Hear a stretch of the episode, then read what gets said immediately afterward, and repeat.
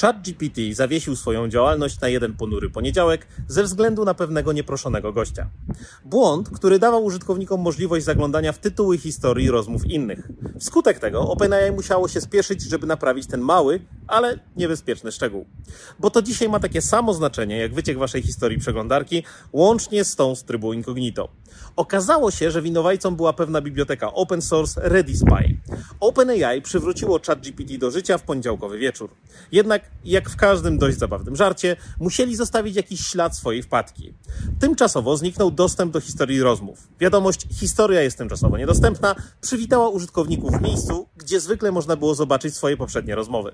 Czyżby ChatGPT zamierzał ostatecznie odkryć swoją wewnętrzną tajemnicę? Cóż, moja historia rozmów jest już dostępna. Wygląda nawet, że to faktycznie są moje zapytania i nie widzę innych. Zważywszy na popularność rozwiązania, zobaczymy, jaką lukę przyniesie kolejny dzień.